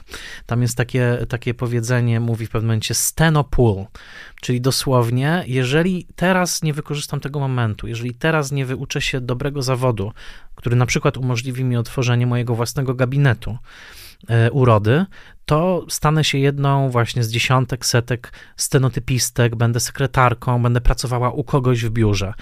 A zatem Frenchie, która w pewnym momencie przeżywa nawet dużą wątpliwość, czy dalej może się uczyć w tej szkole, y, ma tam problemy właśnie w tej szkole dla wizerzystek y, i ma taką całą wizję pod tytułem Beauty School Dropout, czyli dosłownie dziewczyna, którą wyrzucono ze szkoły dla wizerzystek, śpiewaną przez Frankiego Avalona. Ta piosenka jest bardzo podła, bo Frankie Avalon mówi jej wprost: Powinnaś zrezygnować, dziewczyna. Powinnaś być y, dalej chodzić do liceum i w ogóle tutaj nie próbować, bo nie będziesz dobrą wizerzystką. Zobacz, zrobiłaś sobie nawet włosy na różowo. No ale właśnie, różowe włosy może w latach 50. były problemem. W latach 70., 80. będą już całkiem fajnym wyborem e, wizerunkowym. A zatem nasza Frenchie pokazuje, że w tej pozornie głupiej postaci, bo w pierwszym momencie tak ją chcemy ocenić, że jest właśnie głupia, nie mądra, ale to właśnie ona ma na tyle rozsądku, żeby wiedzieć, że tego zawodu powinna się wyuczyć i być może nawet dzięki temu będzie zarabiała lepiej niż jej być może przyszły chłopak, czy być może przyszły mąż, który potrafi tylko wpaść na to, że latem będzie, że zacytuję ponownie Kenikiego, yy, przenosił pudła. To więc to jest drugi wątek, takiej zapowiedzianej spo, społecznej i ekonomicznej mobilności kobiet, która paradoksalnie jest pokazana w postaci Frenchie, a zatem tam, gdzie byśmy się tego wcale, wcale nie spodziewali. I trzeci element, element seksualny. E, ten film bardzo krytycznie często oceniany z dzisiejszej perspektywy, porozmawiamy o tym też z e, Kają Klimek, e, pokazuje takie duże rozdarcie, duże rozdwojenie nie tylko dwóch wzorców kobiecości, które reprezentują tutaj idealna, zapięta pod szyję Sandy i Rizo, o tym porozmawiamy więcej właśnie z Kają, ale także ten film pokazuje całkowite oddzielenie światów męskiego i żeńskiego. Kiedy słynna piosenka Summer Loving pojawia się na początku, ona jest śpiewana osobno. Osobno śpiewają do siebie dziewczyny, osobno śpiewają do siebie chłopaki. Dany przekonuje swoich chłopaków, że doszło tam do czegoś więcej, w zasadzie, że spał z Sandy. My wiemy, że to jest nieprawda. E, podczas kiedy Sandy śpiewa o swoim idealnym, wymarzonym Danim, i te dwa światy nie mają ze sobą nic wspólnego, poza tym, że każdy no, namawia do jakiejś troszkę większej transgresji. To jest bardzo istotne, że Rizo w pewnym momencie pyta, no ale co, dotknął cię czy nie dotknął? Ona mówi, nie, no to nie jest taki chłopak, żeby mnie dotykał. Na co Rizo odpowiada, sounds like a creep to me, to znaczy, że dla mnie to, to jest dziwne, tak? Brzmi trochę creepy, jeżeli cię nie próbował dotknąć. Ale ta scena pokazuje takie całkowite oddzielenie tych światów. Jest to jeszcze Ameryka sprzed edukacji seksualnej, jest to Ameryka sprzed rewolucji seksualnej, tak jak na początku w tej scenie animowanej widzimy właśnie tego chłopaka, który wychodzi niemal jak jaskiniowiec, tak, i musi się uczesać, y, przyklepać te włosy brylantyną i dziewczynę, która jest w tej swojej dziewczyńskiej sypialni, jak księżniczka z Disneya. Ten film pokazuje, że te światy są od siebie bardzo, bardzo oddzielne i że potrafią ze sobą wchodzić w interakcję tylko na różne przemocowe sposoby i to dotyczy i scen randek w tym filmie, gdzie obydwie strony są bardzo niepewne e, i, i chłopaki często sięgają po zachowania właśnie agresywne, ale z drugiej strony Widać to także w takim wzajemnym troszkę kryciu się przed tą drugą stroną i w języku, który jest bardzo konfrontacyjny. My dzisiaj tego nie doceniamy, ale sceny, w których padają seksualne zdania i takie aluzje różne slangowe, były dosyć odważne, jak na rok 1978 nawet Już nie mówię o roku 59, kiedy rzekoma akcja się dzieje. No, spójrzcie między innymi na scenę, w której Rizzo konfrontuje się z Kenikiem i z mm, e, Danim. Padają tam takie frazy jak e, sloppy seconds na przykład, albo flog your log, co oznacza masturbację, gangbang, którego chyba nie muszę tłumaczyć. E, I to właśnie Rizzo to tak się odcina takimi, takimi słowami, ponieważ w tej przestrzeni pokazanej tutaj nie ma miejsca na dojrzałą rozmowę między chłopakami i dziewczynami. To jest wciąż świat bardzo oddzielonych grup płciowych, które patrzą na siebie z ogromną fascynacją, to jasne, ale także z podejrzliwością, niepewnością. Ich nauczyciele też ich tego nie uczą. Więc to jest też bardzo ciekawy portret właśnie takich dwóch można powiedzieć, obozów, chłopaków i dziewczyn, którzy patrzą na siebie nieufnie, nie wiedzą, jak podejść do swoich uczuć i często nie wiedzą też, jak podejść do własnej emocjonalności we własnym gronie, bo jest na przykład świetna scena między Kenikiem i Danym, kiedy wyraźnie chcieliby sobie podziękować, powiedzieć, jacy są dla siebie ważni, nawet przez moment się przytulają, przez sekundę, po czym odskakują od siebie i w panice zaczynają zaczesywać włosy do tyłu, tak jakby chcieli powiedzieć, nie, nie, nie, no słuchaj, stary, tutaj nie ma żadnych podtekstów. Ale sam fakt, że nie potrafią wypowiedzieć tej czułości w stosunku do siebie po prostu jako kumple, jako przyjaciele, też pokazuje, jaki to jest um, świat. I być może pod tym względem, i tutaj zakończę tą część wstępną, yy, najbardziej charakterystyczną piosenką jest ta najbardziej satyryczna. Ta piosenka, którą śpiewa, nie ukrywam, moja ulubiona postać w tym filmie, czyli właśnie Rizzo, grana przez Stockard Channing. Wiecie, że na mojej liście top 100 jest film, za który Stockard Channing była nominowana do Oscara, czyli 6 stopni oddalenia, e, oczywiście dużo późniejszy. No i to jest piosenka pod tytułem Look at Me, I'm Sandra Dee. Sandra Dee była gwiazdą filmów dla nastolatków w latach 50., podobnie jak wspominana w dialogach Annette Funicello, która występowała w programie Disneya. I to były takie dziewczyny, młode kobiety, które miały projektować bardzo dziewiczy obraz idealnej, purytańskiej, bardzo jakby wolnej w ogóle od spraw seksualnych młodej dziewczyny lat 50. I oto Rizzo śpiewa o tym właśnie wzorcu, do którego dostosowuje się swoją drogą Sandy. Rizzo śpiewa o tym wzorcu bardzo przewrotnie, bardzo satyrycznie, bardzo krytycznie. Look at me, I'm Sandra D, lousy with virginity. Czyli dosłownie spójrzcie na mnie, jestem Sandra D, dosłownie przetłumaczyć, jestem zawszona dziewictwem, bo lousy to znaczy zawszona. Więc jakby po prostu no jestem, można do zwymiotowania jestem dziewicą, tak? No i ona potem właśnie śpiewa, że nie, nie pozwalam na żadne dotknięcie, tak, nie będę sama z chłopakiem i tak dalej. I to Rizo śpiewa na takim świetnie wygranym przez Stockard Channing lekkim obrzydzeniu, bo to jest ten wzorzec, który podsuwa jej kultura, w której żyje, że ona właśnie taka powinna być, ale ona taka nie jest. Ona jest bardziej odważna w kontaktach z chłopakami. Ona zresztą w tym filmie przeżywa moment, kiedy boi się, że jest w ciąży. E, no, jest kwestia pękniętej prezerwatywy. To są też bardzo poważne tematy. E, każdy, kto mówi, że Gris jest takie beztroskie, powinien pamiętać o tym, o tym wątku. I w końcu prowadzi to do piosenki najważniejszej w tym filmie, czyli piosenki Rizzo, there are worse things I could do. Czyli okej, okay, tak, wychodzę z chłopakami, tak, uprawiałam z nimi seks, ale są gorsze rzeczy. I gorszą rzeczą byłoby, gdybym była hipokrytką.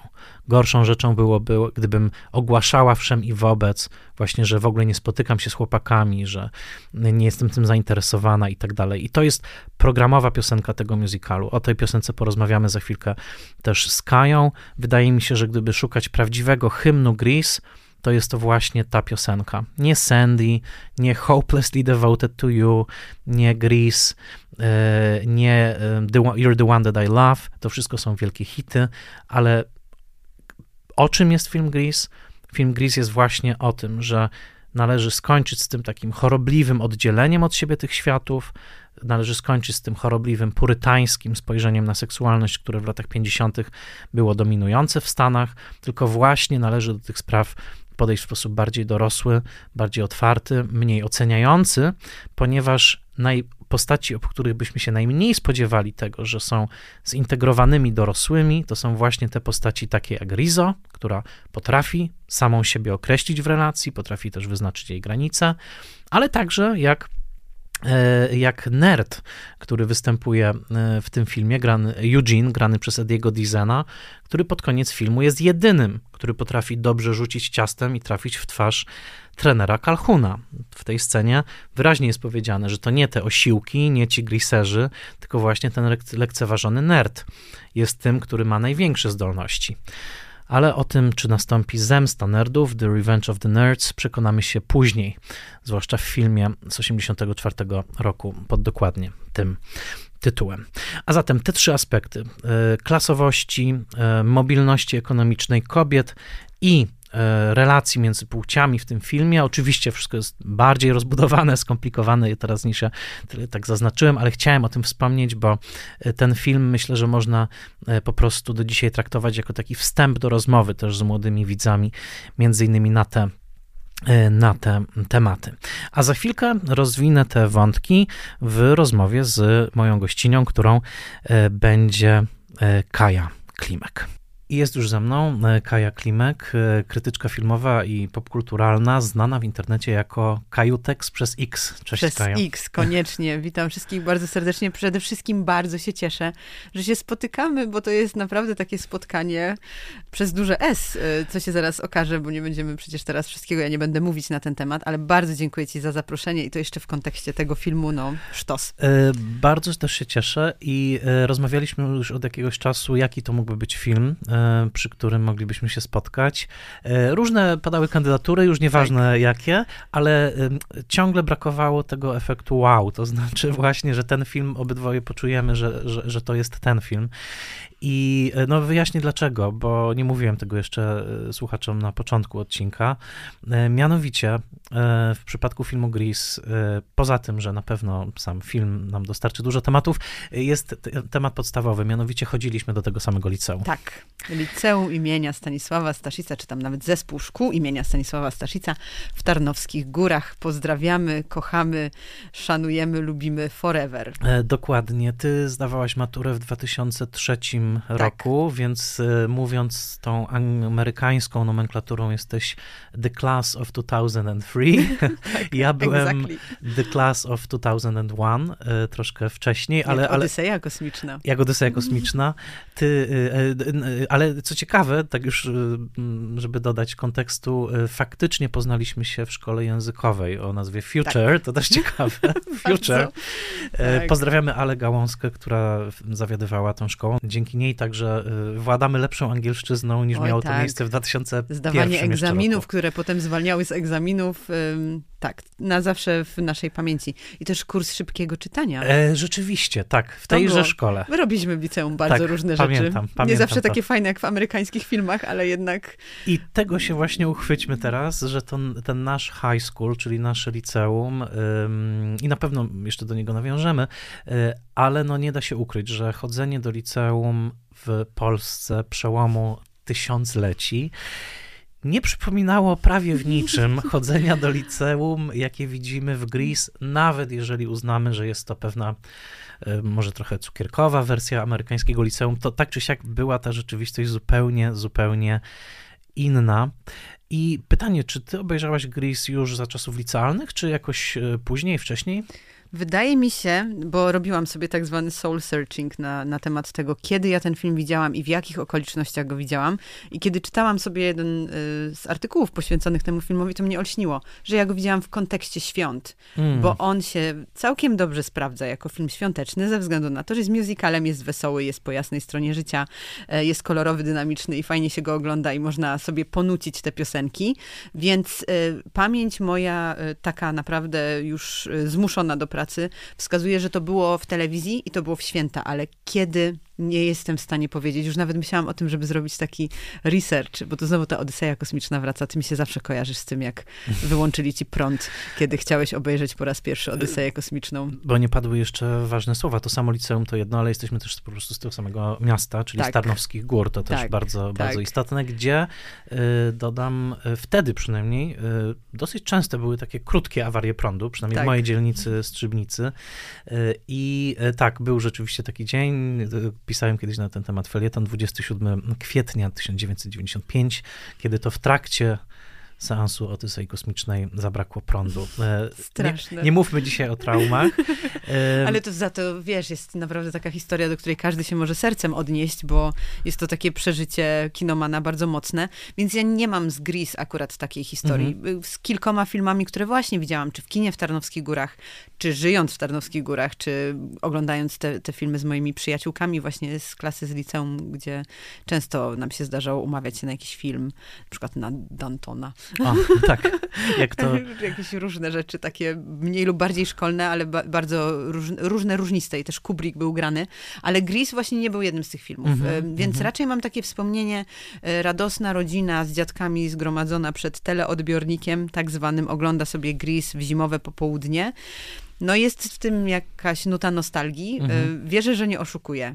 Chciałabym, mhm. żeby to było faktycznie to wspomnienie, ale nie przypominam sobie, żeby to na przykład było na studiach, żeby to było już w innym mhm. kontekście. Raczej kontekst rodzinny, bo no ten, ten czas też taki powracających e, na fali co dwudziestoletniej nostalgii filmów gdzieś by się tutaj zgadzał, nie? Czyli lata 50., 70. i później 90., no to by było akurat idealnie. Tak, no należy powiedzieć, że E, to, to taka popularna e, obecnie zwłaszcza wyliczanka, mianowicie większy dystans czasowy dzieli nas od Gris, niż Gris dzieliło od lat 50., o których opowiadał. E, no i no, na ten temat możemy sobie zaraz porozmawiać, pomyśleć, mm, ale mm, zapytałbym o sam high school. Przygotowując się do tego odcinka, trafiłem na absolutnie E, trywialną informację, nie ma w niej nic głębokiego, ale... Takie są najlepsze. Ale, ale e, okazuje się, że ta sama Venice High School, w której kręci, kręcili część Gris, była scenografią do piosenki, która królowała, kiedy myśmy byli w liceum. E, dowiedziałem się tego dzisiaj rano, dlatego ci już nawet nie pisałem, mianowicie Hit Me Baby One More Time, Britney Spears. Nie. To są te same korytarze. To są te same korytarze. Mam więc, ciarki. Więc to, ogląd to oglądaliśmy wtedy, nie wiedząc, że patrzymy na to samo liceum, e, co w hmm. Gris. Ale powiedz mi, dlaczego high ciekawe. school? Dlaczego, bo powiem coś kontrowersyjnego. My, chodząc do liceum, tam powiedzmy we wczesnych latach dwutysięcznych, nie czuliśmy, że chodzimy do high schoolu, prawda? W ogóle nie. To nie było, to nie było Trzy to. osoby na krzyż podjeżdżały samochodami. Samoch tak, nie było Co szafek. jest w high schoolu normalne. Pamiętasz szatnie, szatnie w Staszicu? Nasza pani cudowną panią szatniarką, cudowną. I pan woźny, którzy mieszkali zresztą przecież w szkole. Mieszkali też. w szkole, dokładnie. Tak, dokładnie. no zupełnie inny vibe, raczej bliżej do takich filmów jesteś, jak jesteś Bogiem na przykład. tak, na przykład. Śląskie licea, chociaż gmach był taki bardzo pruski. Tak, e, Mury, piękne, tak. grube, tak. stare, ceglane ceglane, e, wysokie sufity, miejscami niedogrzane albo przegrzane klasy, w zależności od tego, jaka była koncepcja. Czasami znajdowały się jakieś sprzęty i pomoce naukowe jeszcze z czasów w zasadzie niemieckich. Pamiętam, że tak. w sali, już nie przypomnę sobie numeru, ale albo biologicznej, albo fizycznej były takie stare um, amplifikatory tak. prądu. Nie wiem, jak to nazwać. Tam były jeszcze niemieckie y, opisy. Więc... I tabla z tymi po prostu, y, chciałam powiedzieć studentami, trochę kalka z angielskiego, by wyszło, ale z tymi uczniami, którzy lat. byli tam 50, 60 tak, lat temu, bo to tak. taka była szkoła z tradycjami. Wszyscy, wszystkie te marsowe oblicza, często też mężczyzn, no bo kiedyś to było męskie liceum tylko mhm. i wyłącznie, spoglądające na nas i my po prostu przemierzający te korytarze, to było dosyć mm, zabawne da, mimo wszystko. Powiedzmy tyle, że jakkolwiek jest mnóstwo miłych wspomnień stamtąd, też nie ukrywam, jest dużo dla mnie też trudnych, mm. to e, na pewno to nie było tak, że śpiewaliśmy na korytarzu e, We're Here Together, jak mhm. śpiewają tutaj Oj, bohaterowie tak. Grease.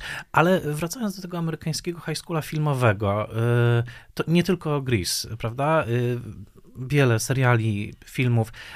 Co, co było w tym high schoolu amerykańskim, poza tym, że ludzie byli, nie wiem, bardziej kolorowi, ładni, zamożniejsi, że że chcieliśmy tam chodzić, że mm. myśleliśmy właśnie o tym high schoolu amerykańskim jako o w sumie jakimś raju. Przecież y, amerykańscy nastolatkowie nie myśleli o swoich high schoolach jako no, o rajach, prawda? No to jest oczywiście, y, trawa jest zawsze zieleńsza po drugiej stronie płotu. Wydaje mi się, że to, to jest jedna sprawa. Druga to właśnie ta filmowość i taki wymiar.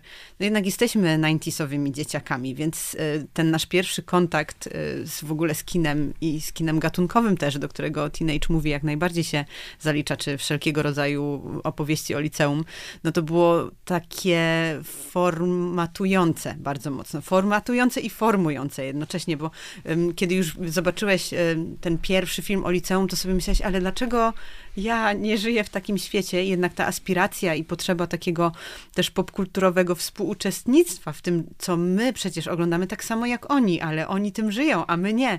Więc gdzieś tutaj ta przepaść trochę była trudną sprawą. Oczywiście jednak też to, że wszelkie filmy o liceach i tutaj e, przywołałeś właśnie liceum jako źródło cierpień, myślę, że to, to brakujący tom po prostu opowieści. Absolutnie, absolutnie. Mm, tak, to nie jest, y, oczywiście sobie to wszyscy patynujemy i nostalgizujemy, że było ekstra, bo mieliśmy na przykład więcej czasu na czytanie mm-hmm, i więcej mm-hmm. czasu mhm. na oglądanie i może na po prostu leżenie y, i patrzenie w sufit. Nie było internetu. Nie było internetu, prawie. prawie. prawie. Mm-hmm. Też się wychodziło siedzieć na ławce e, i się spędzało czas z ludźmi na zewnątrz, a nie w internecie, no to to są oczywiście zmiany to nasze pokolenie przeżyło jedno i drugie. Właściwie jesteśmy w tej, w sumie nawet bym powiedziała, szczęśliwej sytuacji, że znamy obydwa te światy, mhm. ale jednak no, liceum właśnie jako miejsce, i to też jest pokazywane bardzo mocno w tych filmach i serialach, które do liceum się odnoszą, bo ty wspomniałeś o Britney Spears, e, też jej wizerunek nawiązujący jakoś do tego wizerunku dziewczyny w liceum, chociażby, który reprezentuje tutaj nasza wspaniała Sandy, e, ale też e, ja jestem wychowanką Buffy. Mm. Buffy, która jest przekroczeniem tych wszystkich schematów opowiadania o wdzięcznych, super słodkich blondyneczkach, mm -hmm. które no właśnie zwykle są damsel in distress, czyli dziewczyną w opałach, potrzebują tego po prostu silnego męskiego ramienia, mm, ale okazuje się, że ona nie, że ona jest tym silnym ramieniem, które mm -hmm. po mhm. prostu innym pomoże. No ale akurat y, Joss Whedon, oczywiście z dzisiejszej perspektywy, to jest osoba, o której w trochę innym kontekście mówimy, ale on powiedział jedną kolosalnie ważną rzecz, która myślę, że też jakoś podskórnie podskórnie dla nas, nawet jeśli jesteśmy już dorośli i oglądamy filmy o liceum, każdy, kto przetrwał liceum, jest właściwie super bohaterem, bo to jest bardzo trudny czas w życiu człowieka. Wierzę, że wiele osób, które nas słuchają, jeszcze jest w tym świecie, więc trzymamy za was kciuki, mm -hmm, jesteśmy mm -hmm. z mhm. wami. No, a osoby, które już dawno się, to przeżyły, trzymają pewnie mm -hmm. jakąś sztamę i kontakt z tym swoim mhm. wewnętrznym licealistą. No i ja na przykład, kiedy oglądam dzisiaj takie filmy, jak na przykład Wredne dziewczyny, mhm. wspaniały film Tiny Fey, też opowiadający o tych grupkach, o różnych gangach, klikach, czy Easy A. E, zresztą tutaj Tina Fey też się przewija w tle, czyli Łatwa dziewczyna z Emmą Stone, gdzie właściwie to liceum jest takim miejscem, gdzie możesz być wytykany palcami, gdzie wszelka inność, dziwaczność jest jakby niezbyt mhm. pożądana. Czy nawet Netflixowy serial Wednesday, który teraz bije jakieś rekordy popularności, tak. no to widzimy, że to jest coś, co naprawdę ma sens jako gatunek, bo załapują się na opowieści o liceum kolejne e, pokolenia, no i my właśnie oglądając to bardziej możemy siebie wysłać do takiego świata, w którym no niekoniecznie byliśmy, mm, ale taki licealny eskapizm też jest czymś potrzebnym, moim mhm. zdaniem. I wtedy, i dzisiaj. To bardzo, bardzo ciekawe.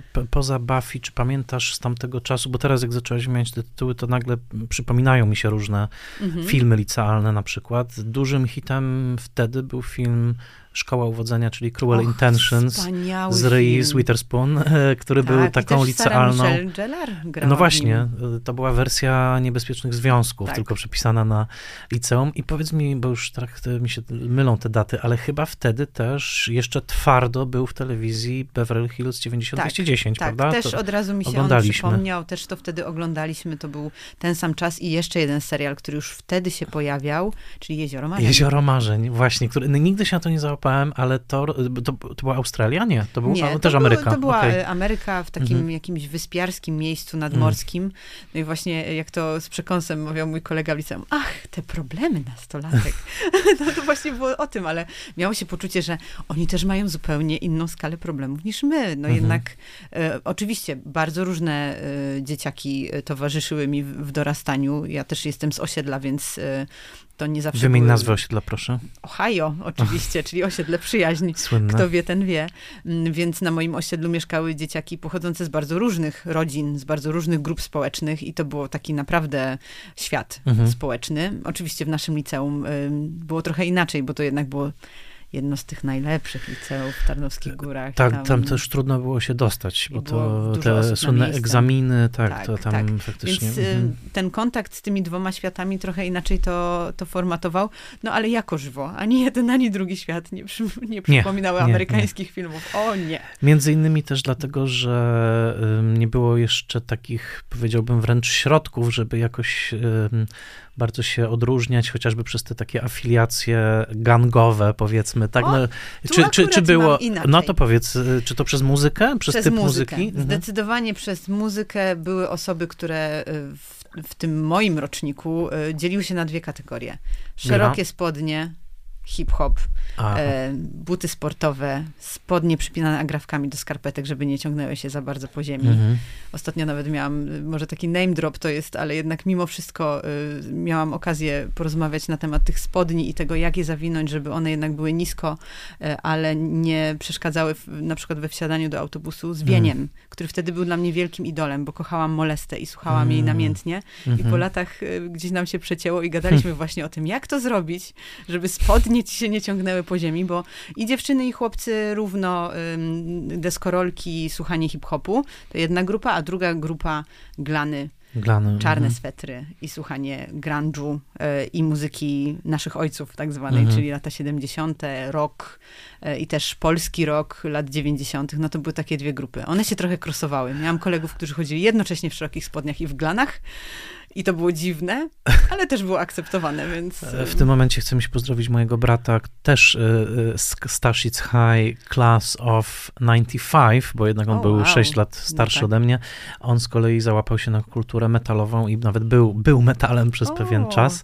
E, I chyba nawet miał jakiś zespół, czy grał w zespole. No on był w amerykańskim filmie. On trochę bardziej. był, ale w takim bardziej nirwanowsko-80sowym, ale chyba, nie chcę teraz zakłamać, ale chyba jakieś próby się nawet odbywały w samym Staszicu, więc być może właśnie odkrywamy, no że Staszic był bardziej high schoolowy niż, niż myślimy. Ale wracając do samego filmu, oglądamy Gris dzisiaj, no jest już 44 e, lata po premierze kinowej, nagrywamy to pod koniec 2022 roku. I rzucę pierwszą piłkę. Co ty na to, że aktorzy mają tak od 25 do 33 mm. lat? Co, co my na to dzisiaj? Wiesz co, no jako osoba wychowana na Beverly Hills 90210, gdzie było dokładnie tak samo, że wszyscy aktorzy byli grubo po 20.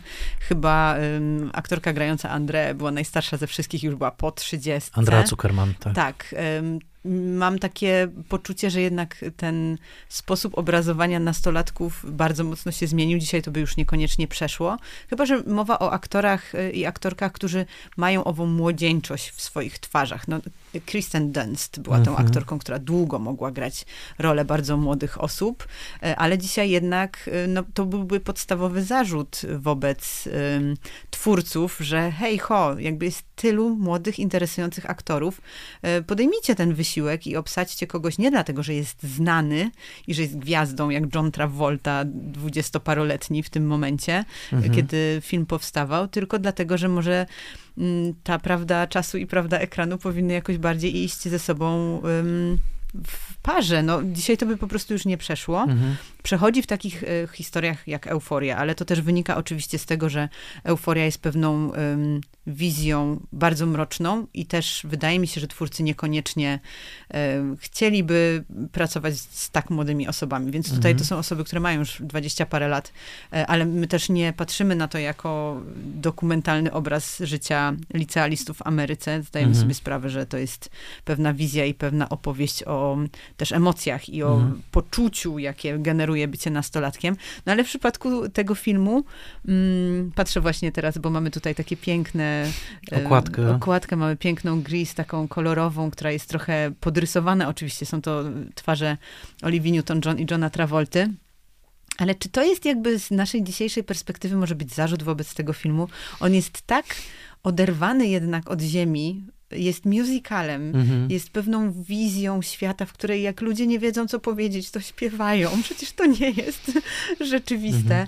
Mhm. I też to, jak wygląda to liceum, jak wyglądają te bary, jednak jest mocno opakowane kocykiem nostalgii, bo Mhm. ten film powstał 20 lat po tym czasie, o którym opowiada, więc Tak.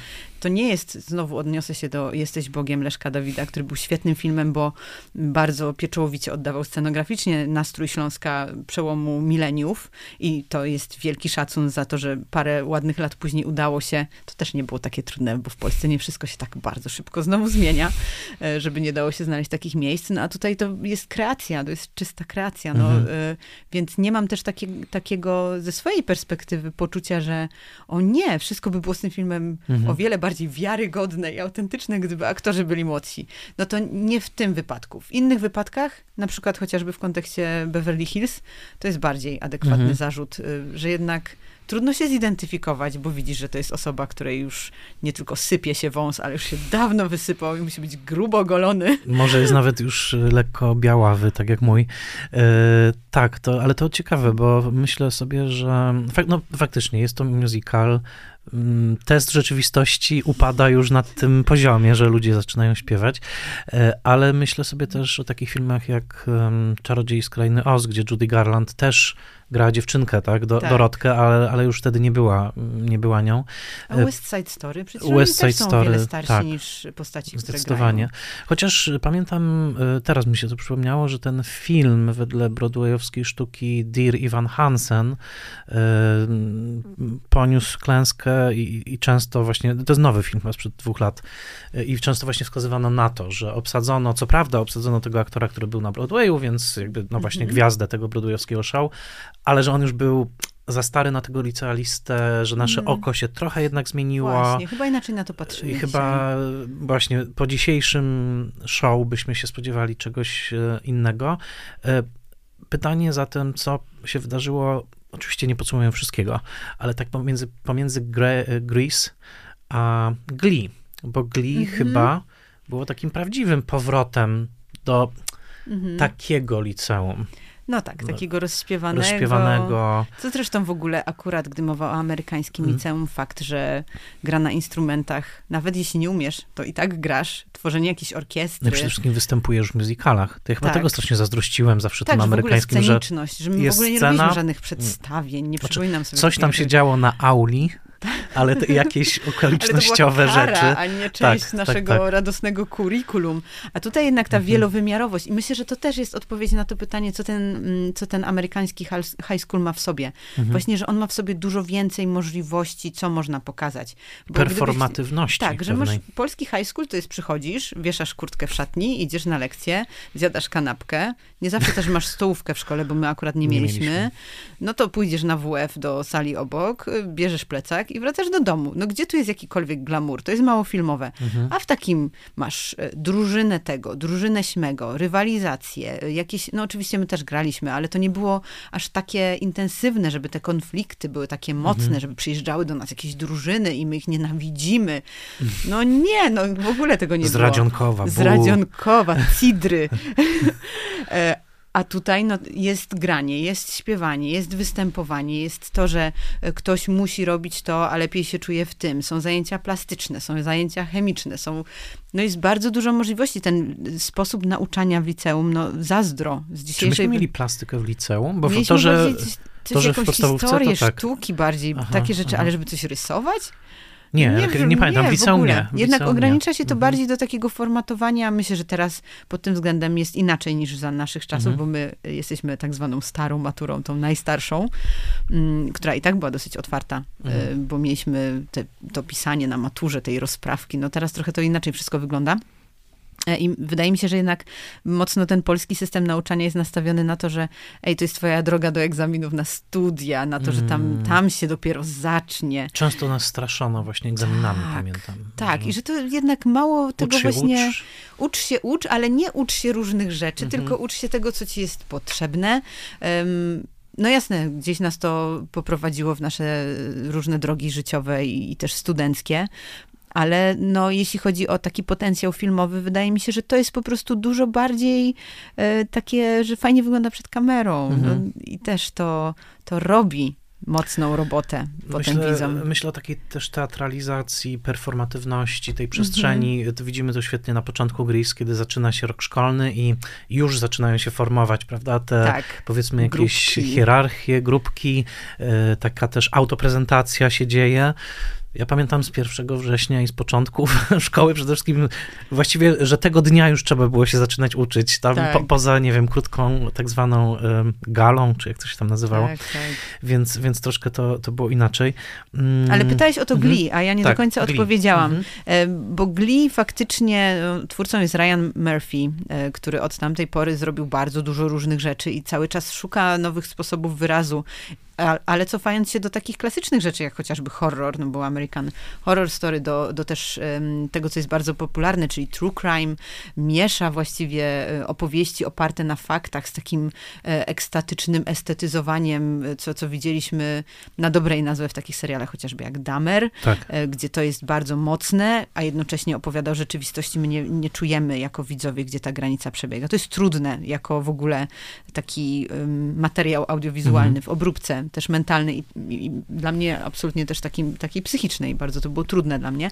Ale no on jednak zaczynał od Glee. To, był jego, to była mhm. jego pierwsza propozycja, mhm. rozśpiewana, nawiązująca właśnie do e, gatunku e, teenage movie i high school drama, nazwijmy to tak, bo to wszystko tam było. Dodatkowo musical, dodatkowo to już były te czasy, kiedy faktycznie pewna y, korekta tego, co pokazujemy na ekranie, kogo pokazujemy na ekranie, była wprowadzana, czyli y, wielowymiarowość bohaterów, którzy reprezentowali bardzo różne tożsamości. I to tutaj e, te, to, ten śpiew był uwalniający też mhm. E, i był takim sposobem opowiedzenia o sobie, o tym, kim się jest, no. I też oczywiście już wtedy nostalgia. I to taka na maksa, bo przecież w Glee to głównie jakieś hity takie naprawdę z, pokryte mchem z lat 90. i 80. były grane i śpiewane, więc um, gdzieś to się um, zestawia z Gris na tym właśnie poziomie um, nostalgicznej opowieści wykorzystującej gatunek po to, żeby właśnie nas trochę mm, opatulić kocykiem mm -hmm, znowu, mm -hmm. bo to jest jednak feel good każdym możliwym względem. No właśnie, to teraz zastanówmy się, czy ten kocyk chwilami nie jest drapiący albo dziurawy, bo e, wspomniałeś o kwestiach tożsamości. No teraz oglądając Gris możemy zastanowić się, co się lepiej zestarzało, co gorzej. Nie chodzi też o to, żeby jakąś totalną surowością patrzeć na ten film, ale możemy zadać takie pytanie. Pierwsza rzecz, która szczerze mówiąc mniej się rzuciła w oczy, to jest to, jak białe jest to liceum. Oj, znaczy, tak. gdyby nazwać, znaczy, powiem brutalnie, akurat w tym momencie będę brutalny, że to można się zapytać, czy, czy akcja się dzieje w segregowanym stanie, czy nie. Bo po prostu tam nie ma ani jednego ucznia może gdzieś na czwartym, piątym planie, ale naprawdę no patrzyłem uważnie. Przyglądać się e, bardzo Poza uważnie. czarnymi muzykami, którzy pojawiają się w scenie na mm, tym tańcu takim tak. już e, powiedzmy około studniówkowym, e, to absolutnie jest to białe, białe, białe, białe liceum. No z tym zastrzeżeniem wiadomo, że chłopaki ci griserzy to są Italian Americans, więc tam powiedzmy są trochę gorzej traktowani i tak mhm. dalej, ale jednak it's, it's very, very white. tak. I od tego, od tego można w zasadzie zacząć, ale właśnie czy są takie aspekty, w których Gris się po prostu y, źle zestarzało. Mówimy o filmie. Mówimy tak, o filmie. tak, tak. Y, no ja mam taki podstawowy problem. Kiedyś robiłam y, sobie research y, przy okazji serialu Opowieść podręcznej na temat w ogóle figury mścicielki, wojowniczki, no bo jednak tutaj Elizabeth Moss wciela się właśnie w taką postać. No i też trafiłam na taki artykuł, gdzie był, były analizowane bardzo różne tropy. Ja w ogóle uwielbiam te tropy w popkulturze. Wszystkim polecam serwis tvtropes.org, gdzie jest tego po prostu, hmm. można w tym nurkować. Codziennie nowy i naprawdę fa fantastyczna inspiracja do różnych e, analiz. No i właśnie um, oglądam sobie internet w poszukiwaniu właśnie tego wizerunku różnych mścicielek, ale też widzę, że um, June, czyli Offred, jest e, postrzegana zarówno jako Madonna, jak i mścicielka, ale też jako właściwie no, taka kobieta obrazowana właśnie w, um, użyję angielskiego słowa, bo to był artykuł po, angielsku, czyli, po angielsku, czyli ma, mamy Mother, Madonna and Whore. Mhm. No i czytam sobie ten artykuł i nagle najeżdżam i patrzę, a tutaj Olivia Newton-John mhm. jako Sandy i jako Sandy, czyli jako urocza słodka w żółtym sweterku, taka właśnie bardzo... Zapięta pod szyję. Zapięta pod szyję, e, tradycyjna, e, gdzie jeśli chłopak, ręka chłopaka zbliża się do niej, to ona ją zrzuca i wysiada z samochodu. Mamy nawet taką scenę.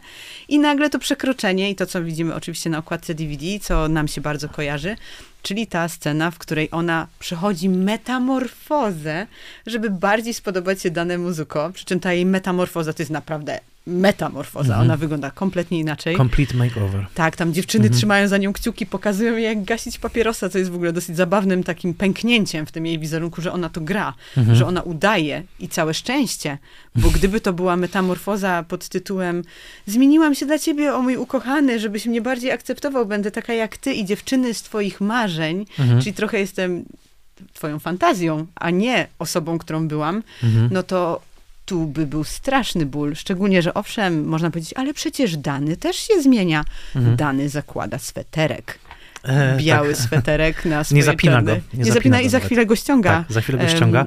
tak, Chociaż z więc- kolei w piosence, którą śpiewają razem, która stała się też mega hitem, e, ona mu rzuca takie wyzwanie You have better to shape, shape up, e, because I need a man. No i on zaczyna śpiewać I yes, I have to shape up because you need a man, więc Przepraszam, ale to jest John Travolta at his prime.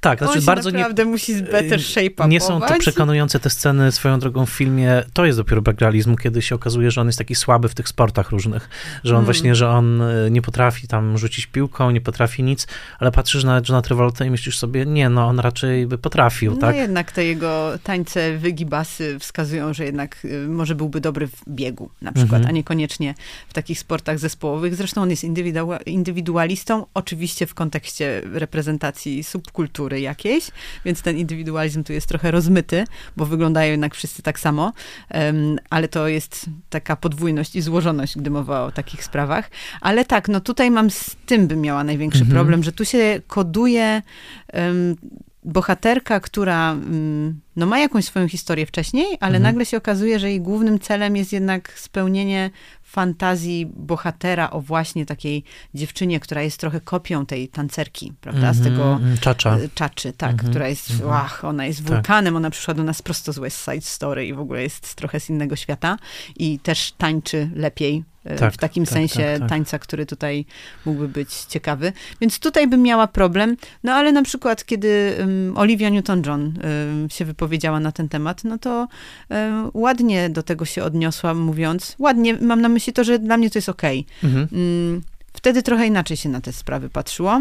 E, My nie będziemy, ja nie chcę być tą osobą, która po prostu zakłada okulary i z 2023 roku prześwietla historię kina i mówi nie dziękuję, nie dziękuję, nie będę tego oglądać, tu jest problem, Mhm. tu jest problem, tu jest problem, bo ten film ma tyle innych walorów, Mhm. że świadomość tego, że okej, jest tu problem z bohaterką, nie jest jeszcze Mhm. dla mnie czymś absolutnie wiążącym. Ym, Dystans czasowy to dystans czasowy. Trochę Okej. jednak tak na to patrzę.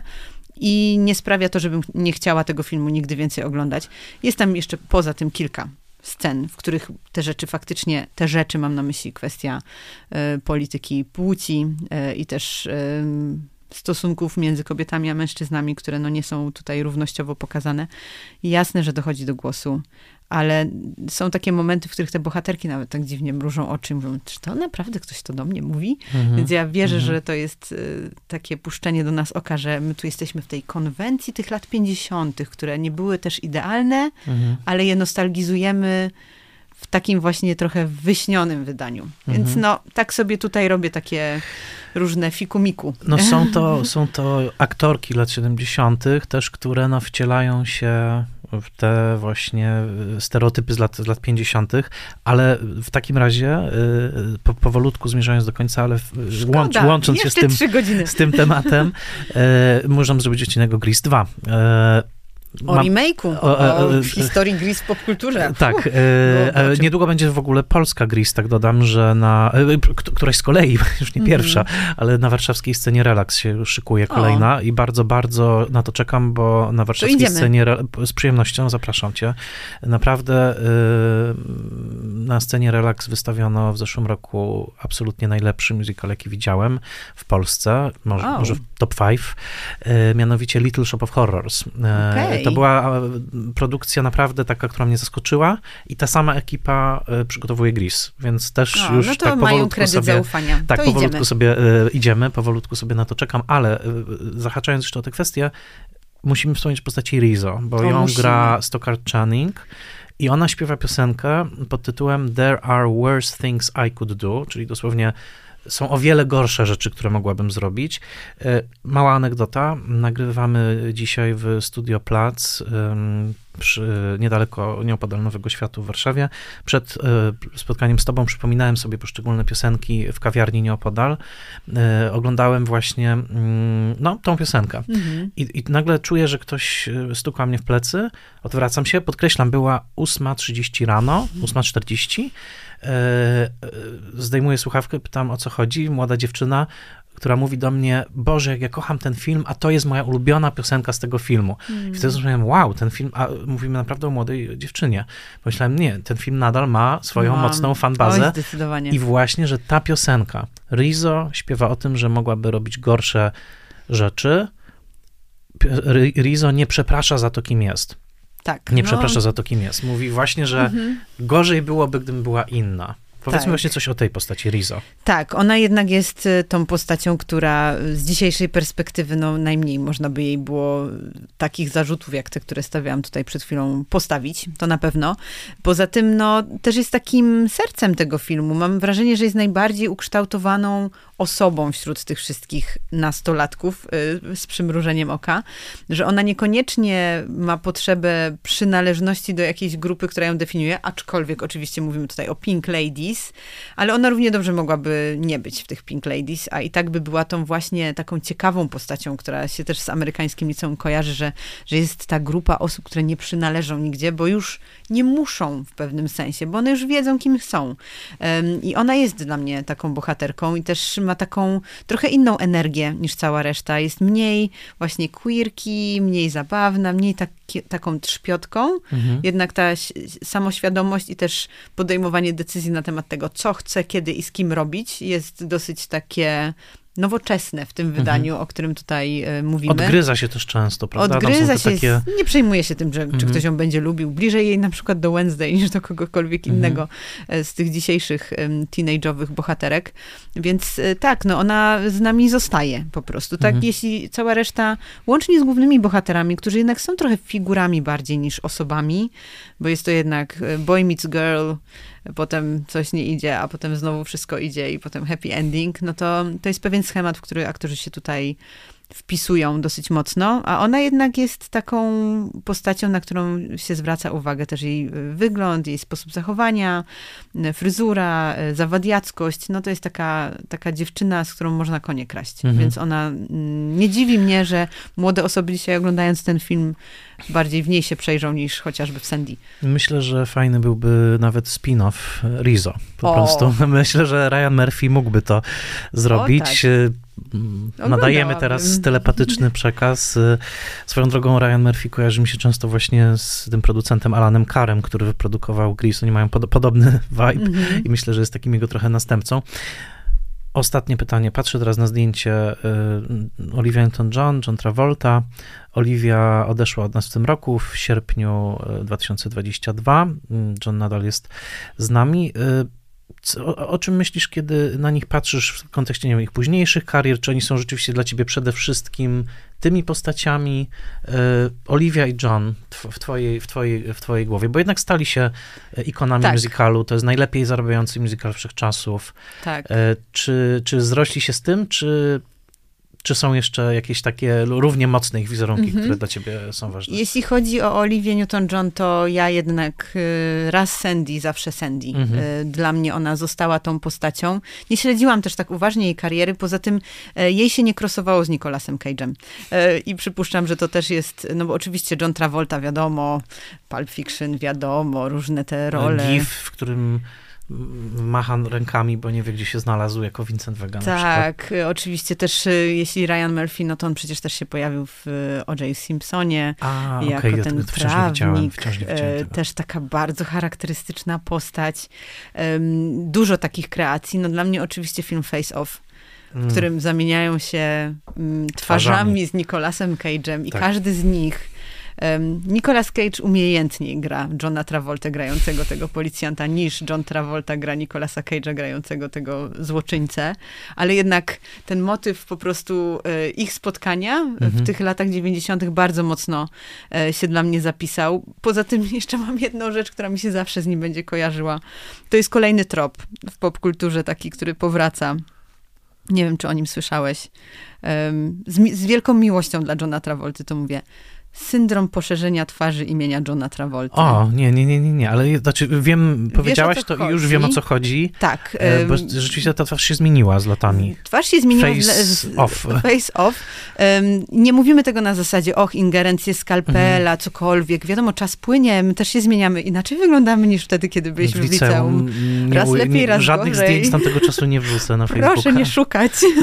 Proszę nie szukać. Ocalcie jakby nasz, naszą pamięć o sobie przed nami samymi, e, ale właśnie to się gdzieś też e, przewinęło, ale jest to jeden z tych aktorów, e, który jest bardzo kochany, mam wrażenie, bo zarówno Gorączka Sobotniej Nocy, jak i właśnie Gris, później ta przepaść i ten powrót właśnie dzięki Quentinowi Tarantino, no to jest też piękna opowieść, taka hollywoodzka. Chyba jedna z najlepszych, szczerze mówiąc. Tak. Bo trudno porównać to, z, jak zatańczył Pulp Fiction i wszyscy przypomnieliśmy sobie, aha, tak. John Travolta yes, jest i tańczy. Can. Yes, he can. To prawda. Więc jest to, y, tak, to, to jego spojrzenie, jego dołeczek w brodzie, no to wszystko jest bardzo takie dla mnie mocno wizerunkowe, no ale jednak też właśnie ta twarz, która staje się twarzą Nicolasa Cage'a, no. Hmm. Nie byłabym sobą, gdybym nie wiązała go z tym filmem tak mocno. To zobaczymy w takim razie, co się będzie dzia dalej działo z Gris, bo nie wiemy, jakie będą kolejne wcielenia. Naprawdę myślę, że potencjał jeszcze się nie wyczerpał. E, może właśnie jakiś spin-off, kto wie.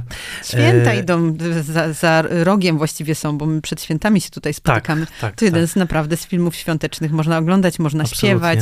Międzypokoleniowe spotkanie, tylko błagam, rozmawiajcie o tych bohaterkach. Trzeba, trzeba rozmawiać. Powiedz jeszcze proszę, czy nie wiem, czy jesteś osobą nucąco śpiewającą, ale czy są takie melodie z Gris, które e, czasami do ciebie wracają? Jasne. Dzisiaj y, akurat miałam jakąś taką wczesną pobudkę, wybiło mnie coś ze snu i kiedy o tej 5.16 otworzyłam oczy, to cały czas miałam tell me more, tell me more. Tak to mi się tutaj wdrożyło. Jestem też wielką fanką piosenki Beauty School Dropout, mm, która jest taka tak. powłóczysta i ten chórek i też to, jak to jest pokazane w filmie.